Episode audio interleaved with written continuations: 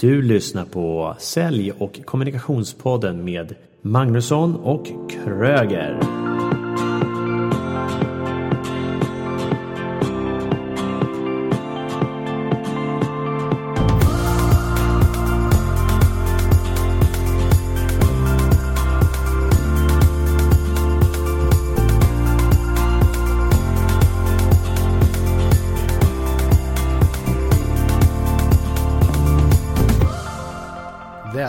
Välkomna till avsnitt 16. Och idag kommer vi prata om mångfald och drivkrafter. Och jag är Mikael Kröger. Och jag är Daniel Magnusson. Och dagens gäst, en socialentreprenör, föreläsare om mångfald, kärleksimmigrant som kom till Sverige 1993. Turken som sökte 600 jobb på mindre än sex månader och Arbetsförmedlingen svarade att han borde åka hem till Turkiet igen. Varmt välkommen Ergin Östermir. Tack så mycket. Kul att ha dig här i studion. Tack. Tack detsamma. Det är otroligt roligt att vara här. Jag tänkte, du är ju utländsk akademiker. Det stämmer. Oljeingenjör och så kom du till Sverige 1993 som kärleksimmigrant. Varför då? Därför att jag var inte smartare än att jag blev kär i en svensk inte en norska. Men så tänkte, det finns ingen direkt koppling mellan hjärta och hjärna. Utan eh, jag följde mitt hjärta och eh, kom till Sverige. Efter, min, efter en snygg svensk tjej. Berätta, du sökte 600 jobb på mindre än ett halvår och Arbetsförmedlingen var skeptisk. Vad, vad var det som hände? Uh, när, jag, när jag väl blev arbetslös i Sverige så så visste jag att jag var tvungen att skaffa mig ett jobb. För att vi har precis köpt en villa i Södertälje. Då var räntan på 13 procent ungefär. Dottern som är ett halvår gammal, jag behövde mat. Eh, vi behövde köpa mat, vi behövde blöjor till barnen och sen till min dotter. Så då, bör, då gick jag till Arbetsförmedlingen första dagen. Jag träffade en arbetsförmedlare, förklarade för honom att jag är ingenjör och jag är entreprenör. Jag gör vad som helst. Eh, då säger han till mig, du, sådana som du har inte en chans i det här landet så du borde åka tillbaka. Så på vägen ur så plockade jag en tidning. Och eh, bara för att jag tänker att det kan inte vara så som man säger. Det måste finnas något jag kan göra tänker jag. Så jag kommer hem eh, och kan inte svenska på den tiden. För jag kan bara två meningar på svenska. Den ena är hej hur mår du? Den andra är ska vi hem till dig eller till mig? Som gammal reseledare så har man ju användning av den frasen några gånger. och eh, hur som helst så på, hemma börjar jag bläddra i den. Det måste finnas något jag kan göra. Och jag är beredd att göra på riktigt vad som helst. Och till slut efter mycket man hittar jag en annons om en utbildning. Eh, så, och jag klarar av den, den här utbildningen mot alla odds. Jag lär mig både språket och den här utbildningen på mindre än ett år. Får diplomen eh, 1994 juni. Och sen ska jag börja söka jobb. Så jag söker alla jobb som går att söka. Och jag skickar papper och det som är fascinerande nu när jag jobbar som föreläsare, jag har sparat nästan alla mina ansökningar. Det kanske jag redan visste då att jag skulle på något sätt föreläsa om det här. Och i de här svaren står det mer eller mindre samma sak. Tack för att du sökte det här jobbet, men den jobbet som du sökte tillsätter en annan sökande. Ja, tack men nej tack. Jag visste däremot innerst inne att eh, jag behövde bara en framgång. Men jag gjorde som ingenjör metodisk. Jag sökte minst fem jobb om dagen. Jag sökte minst 25 jobb om veckan. Jag sökte minst 100 jobb i månaden. Det visste jag. Så jag, varje morgon jag gick upp och sökte de här jobben. Och eh, tack och lov, eh, januari 95 blev jag kallad till tre intervjuer. Alla tre jobben blev jag erbjuden. Och tack och lov igen, jag hade turen jag började på Telia Data som PC-tekniker. Och inom ett år, när jag sökte de här jobben, inom ett, från på Telia som PC, inom ett år var jag teamledare, Året därpå var jag regionschef, eh, helpdesk-chef, året därpå regionschef. Med 200 anställda, 40 konsulter, budget på 750 miljoner. Så det var en lång resa för att eh, alltså få själva jobbet. Men när du väl kom dit så var du rätt person. Ja. Fick ansvar, tog ja. ansvar och så till att utföra jobbet. Jag råkar hamna i rätt sammanhang brukar jag säga. För det handlar inte bara om vad jag, vad jag har att erbjuda. Det handlar också om att människor som kan ge dig den möjligheten, den chansen. Och kunna förvalta de chanserna förhoppningsvis kunna leverera lite mer än vad som förväntas. Varför tror du att du fick jobbet då? Jag tror jag var ärlig, jag är genuin, jag är äkta hela vägen. Jag berättar precis som det var. Och just den här intervjun kan jag nämna. Och nu kommer jag nämna två namn. Den ena, jag, jag gick till intervju 1995 januari i nära Medborgarplatsen på Teledatas kontor. Träffade Uffe Johan. Och den här intervjun kan jag berätta, jag har stämt av med dem. Eh, när jag går in i mötet och träffar dem, de tycker det är jättebra, jag går ur. De två pratar med varandra, det här får jag göra lite senare. Då säger Johan att jag skulle kunna ta in honom, men jag kan inte det för att i hans grupp finns det en kille, en kurdisk kille, och jag är turk. Då blir det bråk, tänker han. Då säger jag, men jag tar honom. Så jag börjar hos Uffes avdelning. Men det som är fascinerande, jag och den här kurdiska killen, vi blir bra vänner. Mm. Så Johan såg problemet, Uffe såg möjligheten. För mig handlar det inte om att jag var turk eller kurd, jag är människor. Ja men precis, och det är ju som du säger, det är ju människor. Men, men skulle det kunna vara något problem då utifrån som de tänkte där, att det var Nej. från olika delar? Alltså, se så här, det, det, finns alltid, det finns alltid förutsättningar till att det kan bli någonting. Det kan finnas mellan två smålänningar eller två turker eller en kurd och en turk. Eller, det handlar om människor i slutändan.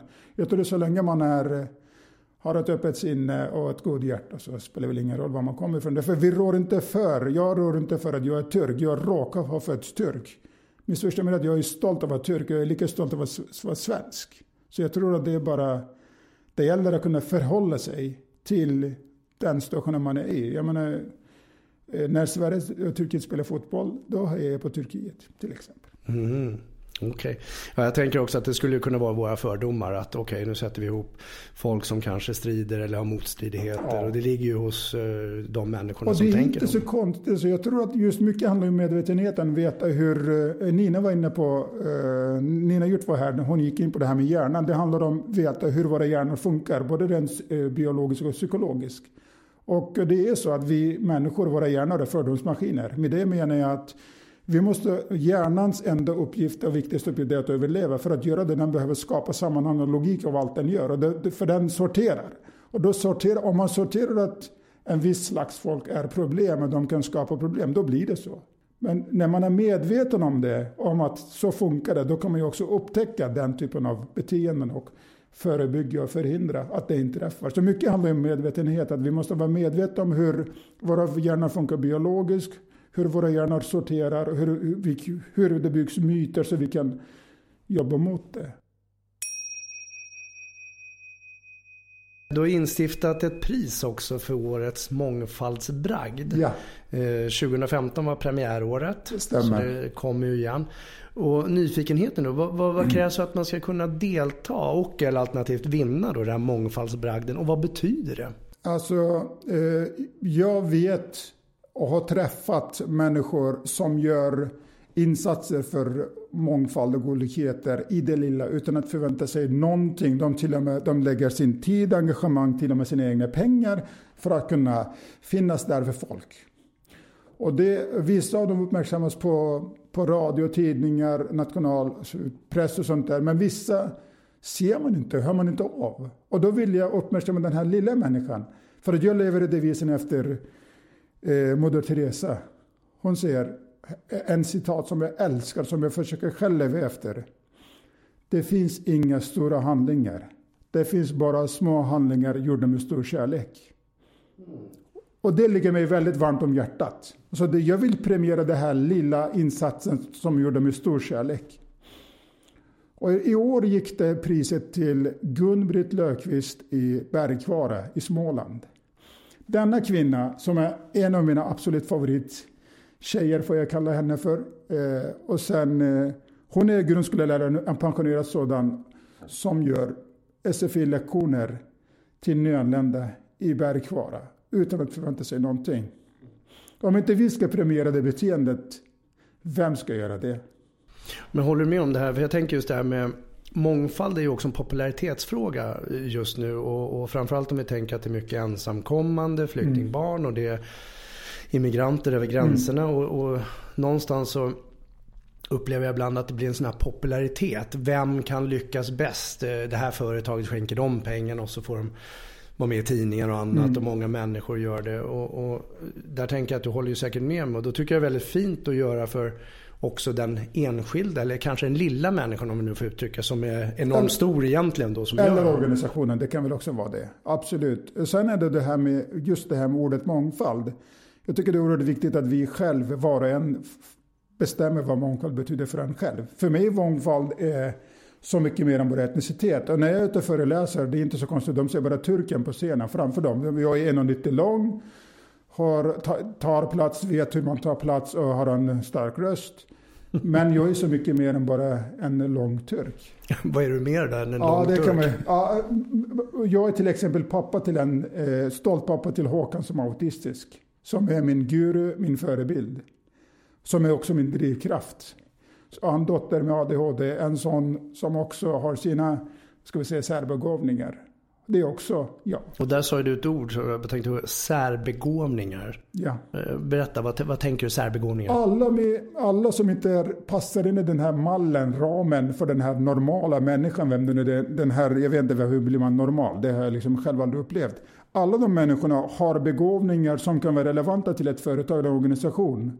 Och de talangerna behövs i alla företag. När, när man tittar på alla jobbannonser, jag överdriver är nästan 90% letar efter en annonsen än med ADHD. Du ska vara social, eh, vad ska jag säga, du ska vara trevlig, du ska vara självgående, du ska vara energisk. Alla egenskaper för en ADHD. De anställs inte till exempel. Det för det, när du har det, då, då betraktas som en, en, eh, en, eh, eh, en diagnos eller en... Jag tycker att de talangerna passar i de flesta företag. Vi behöver ju människor som dem.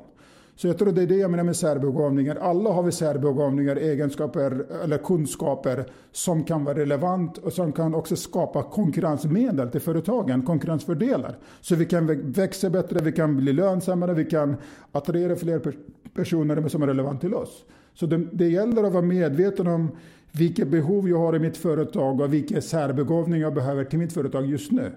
Ibland behöver man en turk, då kan man ringa mig. Ibland behöver man någon med ADHD, då kan man ringa mig till min dotter eller, eller någon annan. Så det beror på vad man behöver.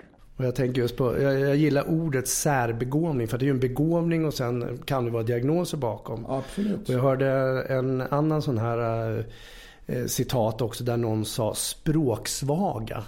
Och tänkte, men vad är språksvaga? Det kan ju vara folk som har kommit till Sverige, ännu inte lärt sig svenska eller är på väg att lära sig. Då är de språksvaga. Mm. Och, och, inte att de inte kan, utan att de håller på att lära sig. Så att just bara vrida om orden är ju också en fördel. Eller säga att de kan inte prata perfekt svenska än.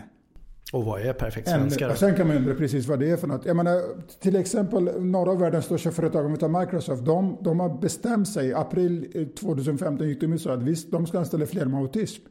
För de behöver människor som kan verkligen borra sig in i vissa detaljer i deras system.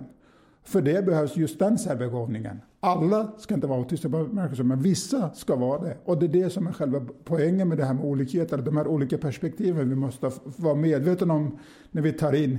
Men om vi bara tar ett kliv tillbaka, så, så är det så att i varje företag, i varje organisation, det finns mångfald så, så fort vi är fler än en människa. Även om vi är tre medelåldersgubbar här så är det mångfald. Vi har ju nämligen olika själv. perspektiv. Alltså jag pratar... jag skojar. Två medelålders är en ung. Tack. Hamnade du i det facket? Ja, alltså jag gillar det med mångfald. Jag vill gärna se mig som ung då tänkte jag. Det kan jag få göra om jag vill, eller hur? Ja.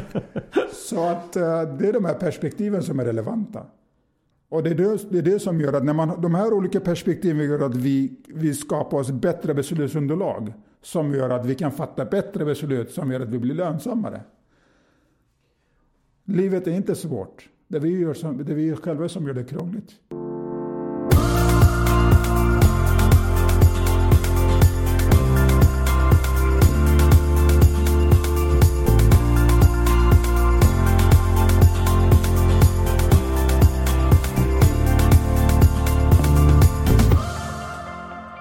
skulle pinpointa varför mångfald är viktigt, vad skulle du säga då?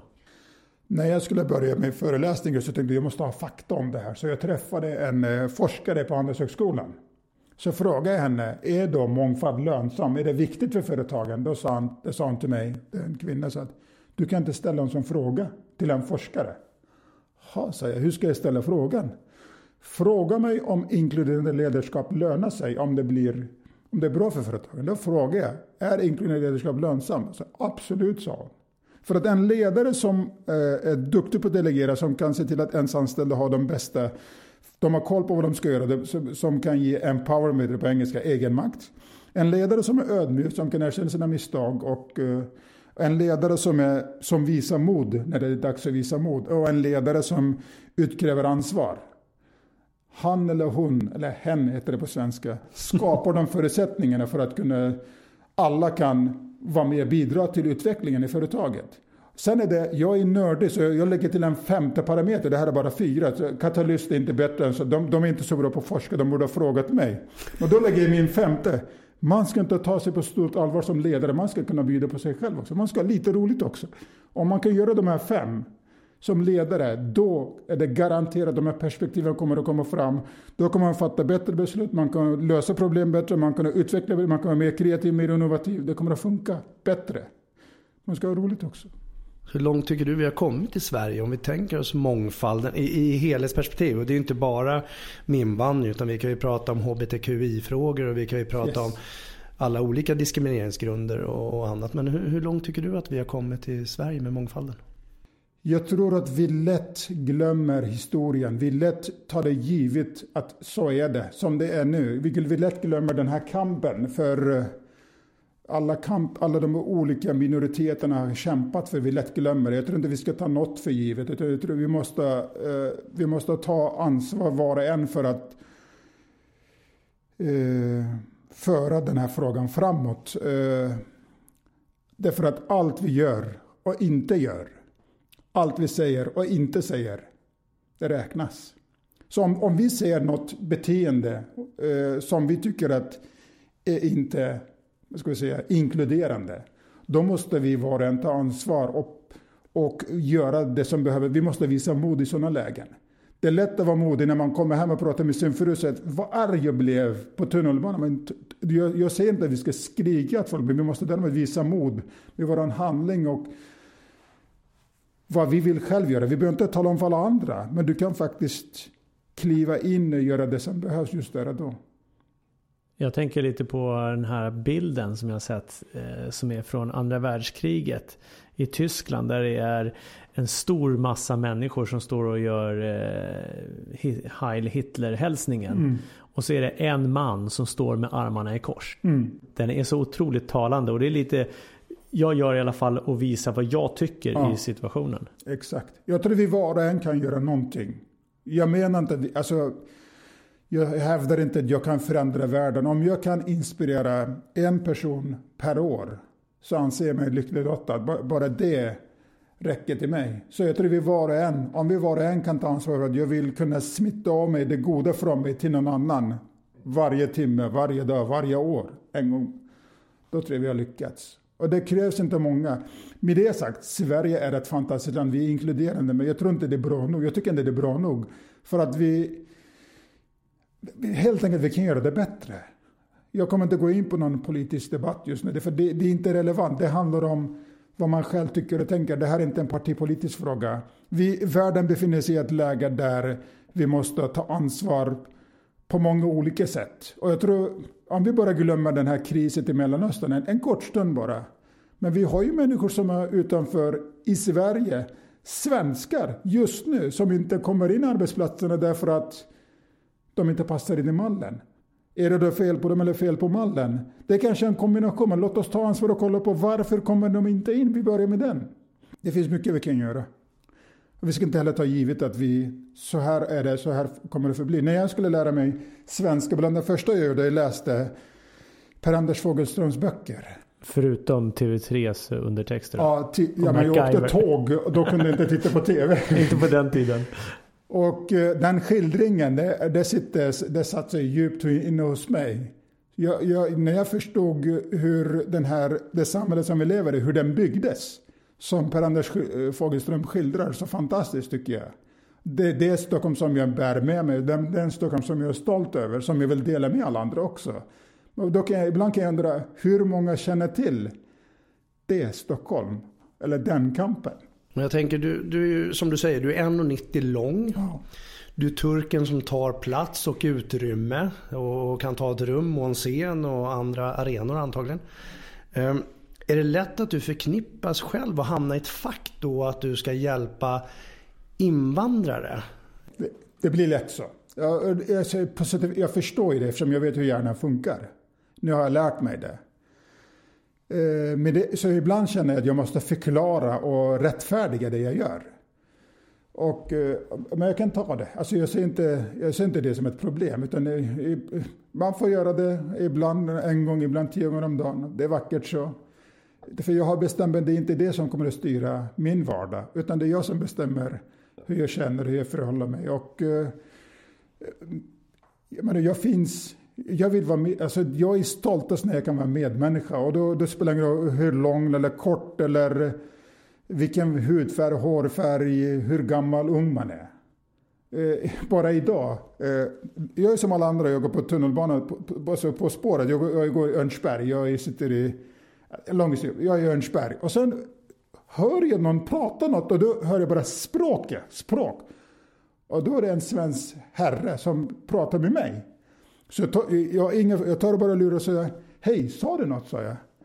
Och då, då han blev lite småirriterad därför att i hörlurarna sa de att eh, tåg mot Norsborg och det var fel. Det skulle vara tåg till Norsborg. Det var, han blev irriterad för det. Så pratade vi han och jag fem minuter bara liksom stående. Och, och det är en ny bekantskap. Det berikade min dag. Jag kunde ignorera honom. Jag kunde ha tagit illa vid mig, vilket jag bara liksom, vad var det du sa?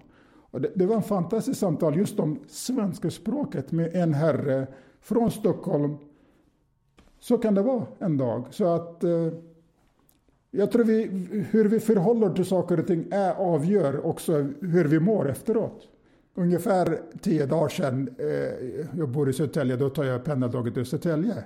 Fredag kväll är jag på väg hem med hörlurar i luren igen. Det är för att jag lyssnar på spanska musik, för jag, jag vill lära mig lite spanska. Så det, men sen hör jag på ögonvrån att någon vill ta kontakt med mig, som är ögonkontakt. Så tar jag av luren och säger hej, hur är läget? Då är det en ung kille som frågar mig, har du varit i Tumba gymnasium? Så, ja, ja, men det var jag där. Jag var där 31 augusti förra året, för jag, det är mitt födelsedagsdag, det är därför jag kommer ihåg det. Vi var där från talarföreningen och föreläste för att gjuta mod hos ungdomarna. Var du hos en av mina föreläsningar, säger jag. Ja, säger han och sen förklarar mig på en minut vad jag pratade om. Sex månader senare då, då fortsätter han förklara för mig att efter den dagen har jag tagit tag i min stud, studerande. Mina betyg höjdes radikalt. Nu vet jag exakt vad jag vill bli. Så jag ska bli ingenjör. Bara det gör att plötsligt allt man gör får en mening. Och bredvid honom en tjej, också går i samma klass och frågar har du varit där? Absolut, och hon berättar nästan samma historia. Och det tycker jag, de berikade min vardag. Och det verkar som jag har berikat, eller det är inte bara jag, vi som var där, vi berikade deras vardag. Och livet handlar ju om de här mötena där vi kan förhoppningsvis ge ett perspektiv. För att, jag, menar, jag tror inte vi hade hela receptet, men vi, vi var en sa någonting som berörde dem som gjorde att de agerade. Så det får bli belöningen liksom någonstans absolut. då? När, när du har gjort en insats så får du de här bekräftelserna? Absolut, absolut. När ledsnar du då? När, när känns det tröstlöst? När känns det tröstlöst? Eh, det kommer att kanske återkommande tema. Ibland när jag kör mina sociala projekt för att skapa förutsättningar till jobb för de som står utanför arbetsmarknaden, som är lite svagare i arbetsmarknaden. När jag möter byråkratin, där tycker jag, det har inte hänt så mycket sedan 1993 när jag var själv arbetslös. När jag möter eh, oförståelse och, när jag, och den här ja, men det tar, du, du fattar väl att det tar lång tid. Nu det efter drygt 20 år senare så fattar jag väl att det tar lång tid. Men den här, alltså den här frustrationen och besvikelsen, den är kvar där. Och då försöker jag förklara för dem så gott det går på ett svenskt sätt med, med lugn röst utan att vifta med armarna. försöka förklara för dem att varje dag, varje timme är för sent för dem. Vi måste se till att det här händer nu, inte om tre månader, inte om ett halvår. Det är nu vi behöver det. Och då kan det kännas lite, lite ensamt, lite jobbigt. Det är som Don Quijote som kämpar mot de här kvarnarna. Man känner sig som en jag vet inte vad. Men, det, då, men sen när jag kommer hem och möter familjen och frun så jag är rätt så bra på att skaka av mig och sen knyta näven i fickan som vilken annan svensk som helst på morgonen går upp och sen är det nu jävlar, idag kör vi igen. Så byråkratins eh, kvarnar maler sakta och kommer förmodligen fortsätta göra det ett tag till? Tyvärr, det ser, det, det, det ser så ut. Eh, det är, det är just då vi behöver egentligen hjälpen från de här stora statsapparaten. Så de, de som behöver eh, Eh, insatser, de som behöver det extra stödet för att kunna vara relevant till arbetsmarknaden. Det är nu de behöver det, inte om ett halvår. För många är det för sent. Eh, en kort sån här anekdot. Jag träffade eh, läkaren Yusuf i, Norrköping. Han sa så här. I Syrien var min familjs liv under hot. I Norrköping i Sverige dog min själ. Jag tror det säger tyvärr lite för mycket. Ja, det, det, ja. Nej, men det är tungt att, komma in i systemet. Jag har ju ingen erfarenhet av det själv. Eftersom jag är både född och uppvuxen och bara jobbat i Sverige så har jag liksom inte varit någonstans utomlands där jag behövt eh, ta tag i, i eventuell byråkrati eller hållit på och anpassat mig med andra kulturer. En sak som jag lärde mig, alltså, jag avbryter, jag är så ivrig nu, det är att eh, just det här med vi som är privilegierade, vi är lite svårt att se utmaningarna. Alltså vi som har de här privilegierna, vi, vi är svårt att relatera och se de här. För jag är också en av dem, jag är också en del av etablissemanget just nu. Så jag tror vi var och en kan försöka, försöka föreställa oss hur det kan vara. Det är ju återigen viktigt i sådana här situationer att som vi har nämnt någon gång tidigare att, att gå in och titta på ur ett empatiskt eh, synsätt och inte sympati. Så att vi inte hamnar och kliver in i någon offerrollen eller liknande utan mer känna och förstå hur det kan vara för att sedan gå in och hjälpa utifrån. Jag, tror, jag tycker man ska jobba med olikheter för bara företag ska jag säga. Företag ska jobba med mångfald bara för att det kan leda till lönsamhet och konkurrensmedel. Det är det enda rätta sättet att jobba med mångfald. De som vill gå in och hjälpa, de får hjälpa någon annan. De behöver först hjälp själva om jag får säga så. Nu är lite kanske för på, jag vill provocera, för det här är viktigt för mig. Det är för att jag hatar det här ordet hjälpa. Jag behövde ingens hjälp, jag behövde bara chansen. Ja. Jag behövde ingen hjälp. Jag tror det är många som inte behöver hjälpen. Och eh, om företag förstår, jag tror IQ-mässigt de förstår att det här kan leda till något, de vet inte huret, hur ska vi göra det här? Jag, jag, fattar att det här med olikheter kan löna sig, det finns forskning, det finns tonvis med forskning från USA, från Sverige, från Kanada, från Australien. Men hur gör vi? Det är det som är det svåra. Hur ska vi göra? Så hur ska man göra? Alltså jag tror att man ska börja med det man redan kan bäst. I Sverige är vi rätt så duktiga, vi är inte bäst på det, men även om vi säger så eh, med jämställdhet. Vi kan börja med att uh, ta in alltså, fler tjejer till styrelser. En svensk forskning som visar att kvinn, i de företag där det finns fler än 20 procent i, i kvinnor i högsta ledningen styrelse, de företagen tjänar bättre pengar. De är lönsammare, de växer, de har bättre tillväxtkraft. Det är den ena. Börja med det du redan kan, börja smått. Men banne mig börja. Om, om, ni, om det är ett företag som gör affärer med Kina, börja med relatera till det. Om det är en affär, alltså, det, börja med det du redan kan. Gör inte allt på en gång, börja smått, men börja nu. Det är mitt tips. Jag tror att man ska inte krångla till det. Och sen kan man ju bygga på det, för olikheter kan vara så olika. Alltså det är det som det är just det ordet, det kan vara så olika. Vissa företag som är multinationella, när jag för jag träffar ju dem också. Då säger jag till dem att gör något som, som ni är bra på. Det, finns, det finns saker i varje som man gör redan som är bra på. En inkluderande möteskultur kan man börja med. Så att eh, man behöver inte börja med det som är svårast.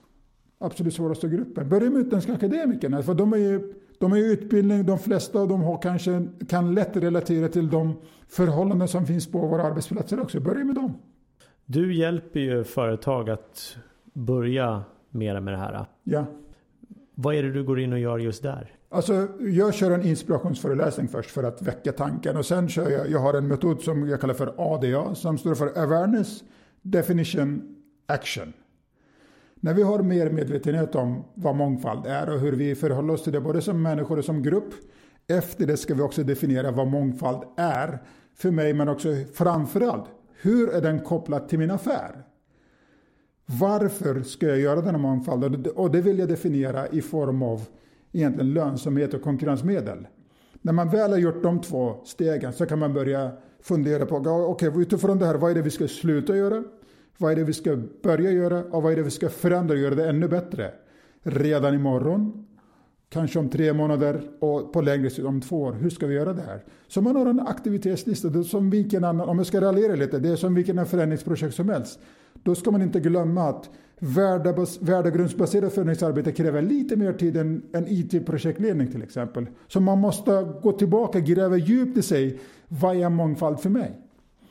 Och i det här fallet då, vad är mångfald för mig och vårt företag då? Exakt, på ledningsnivå? Och, inte glömma att mångfald är inte bara etnicitet. Nej. Eller hårfärg, eller hudfärg. Mångfald är olika perspektiv. Det är hur vi eh, tänker på när det är problemlösning vad gäller kreativitet. Hur vi tänker vad gäller orsak och verkan. Det är de olika perspektiven som är relevant för business. Inte hur jag råkar se ut. Om jag är 1,90 eller 1,75, vem bryr sig? Är min pappa mamma turk eller svensk? Vem bryr sig? Jag har inte bestämt att jag skulle födas i Turkiet.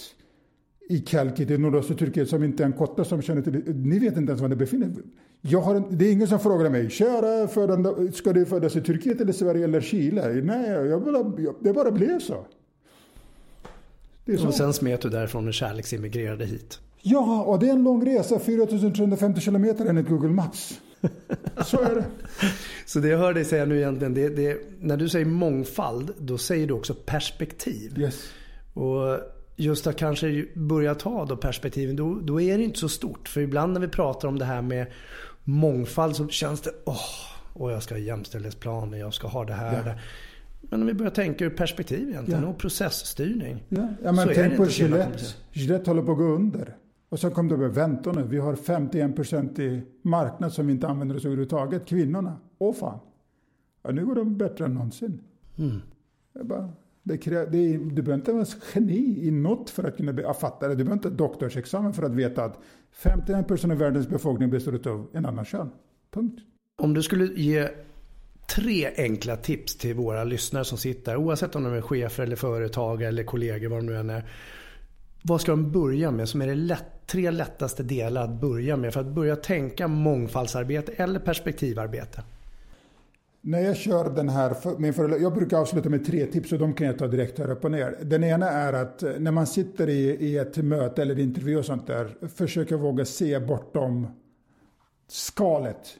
Jag menar min själ, eh, min drivkraft, hur jag tänker och känner har ibland inget att göra med hur jag råkar se ut, om jag är tjej eller kille. För mina drivkrafter, mina innersta tankar, mina personliga min personlighet har inte med hur jag råkar se ut. En stor del av framgången i mitt företag var mina anställda förstås. Jag, jag drev ett konsultföretag och eh, eh jag hade människor som olika särbegåvningar.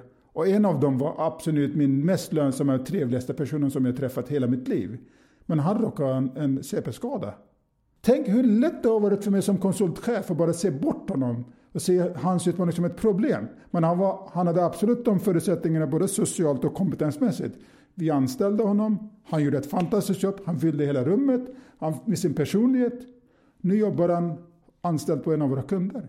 Och den andra är, eh, eftersom jag har en son som är autistisk, eh, eh, våga, våga ge sig hän till, till lära känna någon på riktigt vi var, vi var och en har säkert träffat, har en bekantskap eller en kund som är lite jobbigt. Vi inte riktigt fattar varför det inte klickar. Men om man ger sig hän på att lära den personen på riktigt, om man kan övervinna den personen, den relationen kommer att bli en av våra starkaste relationer.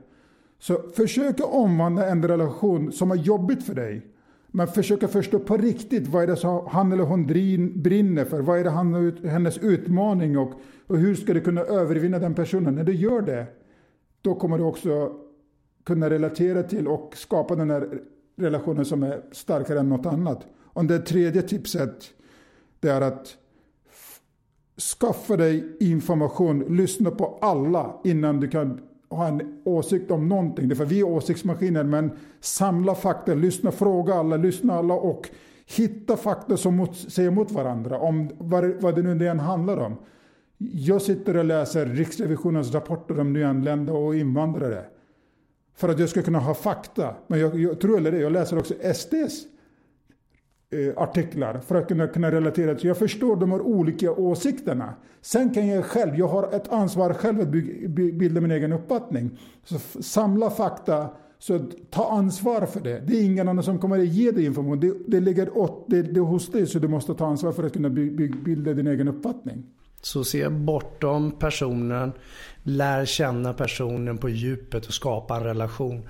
Och bygg på fakta och kanske ifrågasätt din fakta så att du har helt underlag på fötterna. Yes. Och det kan vara en del att börja med det som vi säger perspektiv eller mångfaldsarbete. Exakt. Exakt. Eh, den 23 maj ska du vara på City Conference Center och eh, föreläsa om eh, bland annat med fokus på integration. Då. Yes. Jag ska prata om mångfald och entreprenörskap. Mångfald och entreprenörskap. Ja. Är vem som helst välkommen?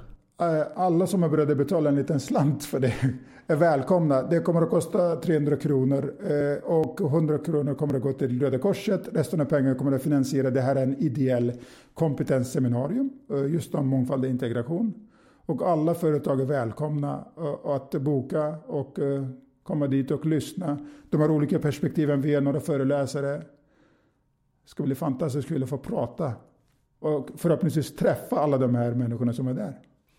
Och information om det eventet kommer ni hitta på vår hemsida eh, magnussonkroger.se under avsnitt 16.